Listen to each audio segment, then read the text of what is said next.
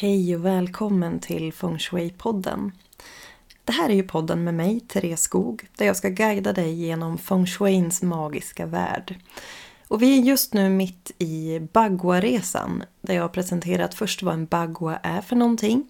Eh, förra veckan så pratade vi om eh, karriär och livsväg. Idag är det ju dags för det andra området i Baguan och vi fördjupar oss i det som är förknippat med siffran 2. Nämligen kärlek och relationer.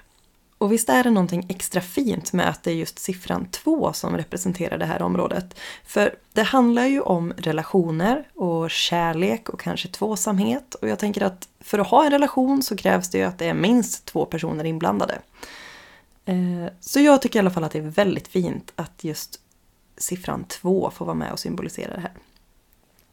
Och det här är också ett av mina absoluta favoritområden. Eh, oavsett om du lever i tvåsamhet, om du önskar leva i någon form av relation eller inte, eh, så tänker jag att kärlek och relationer är ändå en av de viktigaste bitarna i våra liv. För jag anser att det alltid är värt att investera lite extra i just det här området. För om inte annat så lever du ju på något sätt i en form av relation till dig själv. Eh, och allt i livet blir så mycket lättare om du har en bra relation till dig själv och om du älskar dig själv på ett fint sätt. Eh, och sen vet vi också att tillsammans så är vi faktiskt starkare för vi klarar inte allt i livet själva. Även om vi kanske, många av oss, strävar efter det och vi försöker att vara starka och har kanske svårt att be om hjälp så många gånger så behöver vi hjälp av andra för att ta oss igenom saker och ting.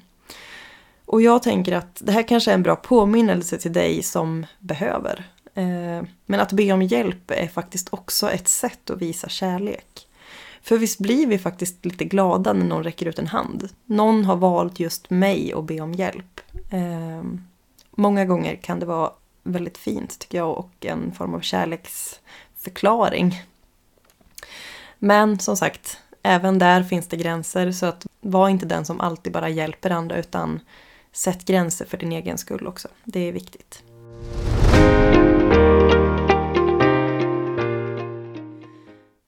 Enligt kompassbagwan så rör vi oss nu i sydväst.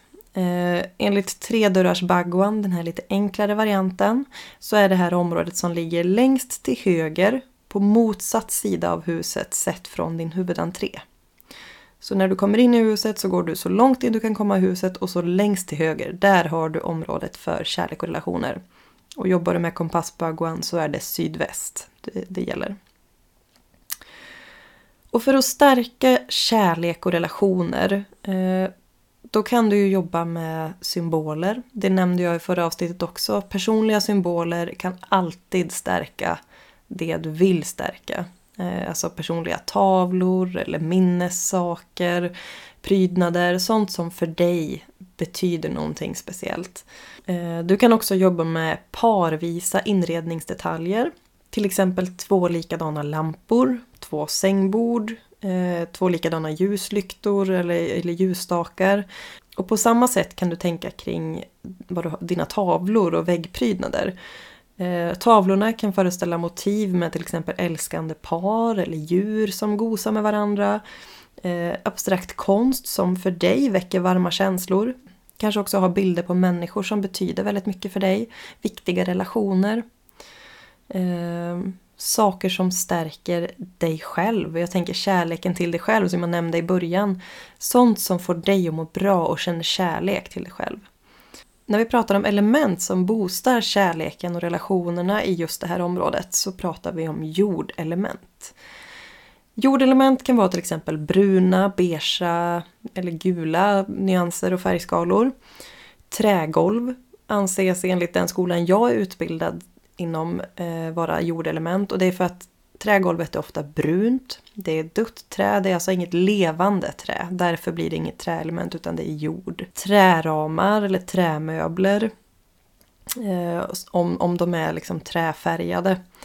Eh, men även kvadratiska former och horisontella linjer går som jordelement. Och använder du dig av jordelement i området för just kärlek och relationer så boostar du den, den livsaspekten lite extra.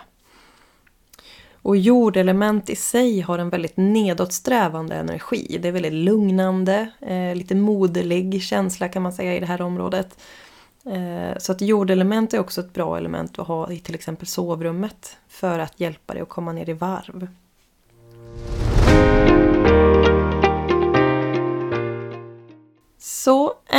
Liten påminnelse om extra fokus på kärlek och relationer alltså. Känns inte det som ett väldigt fint avslut på det här året? Eh, jag har brottats mycket med nya utmaningar, eh, brottats mycket med kärleken till mig själv och mycket självkritik så att det, det fortsätter jag att jobba med.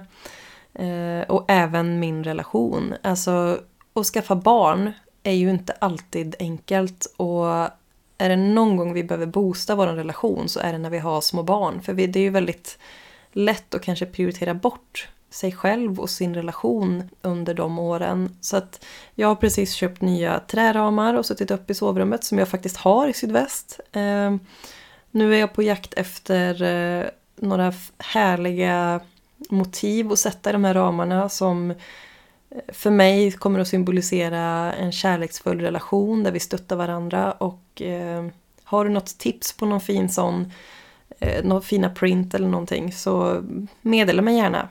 Och som sagt, glöm inte bort kärleken till dig själv. Det handlar inte bara om din partner eller om, om andra relationer du har i, i ditt liv utan det handlar väldigt mycket om kärleken till dig själv. Det kanske är ett fint nyårslöfte till dig som jobbar med nyårslöften nu när vi går in i 2022.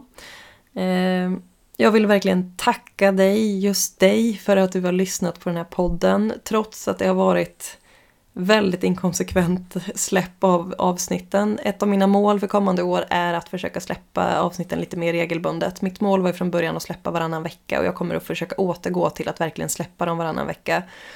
Just nu så är vi ju mitt i Bagua-resan så att kommande avsnitt kommer att handla om de olika områdena i Baguan och det är ju totalt nio stycken så vi har ju sju kvar då. Eh, har du önskemål om vad podden ska handla om efter det så skriv jättegärna till mig på hobbykreatoren på Instagram eller via min hemsida hobbykreatoren.se.